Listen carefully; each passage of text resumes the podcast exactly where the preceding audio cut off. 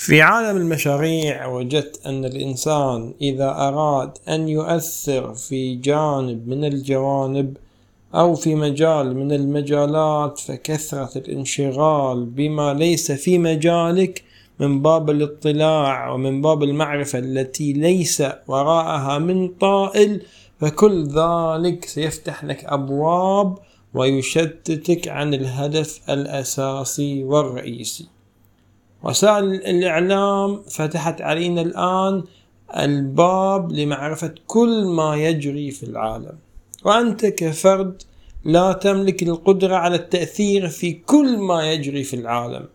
فالاشتغال بمعرفة تفاصيل كل حادثة وكل مسألة وأنت ليس لك أي اهتمام أو لك أي آه، نفع في هذه المسألة أو أنت صاحب قدرة على التغيير أو فعل شيء فما الفائدة؟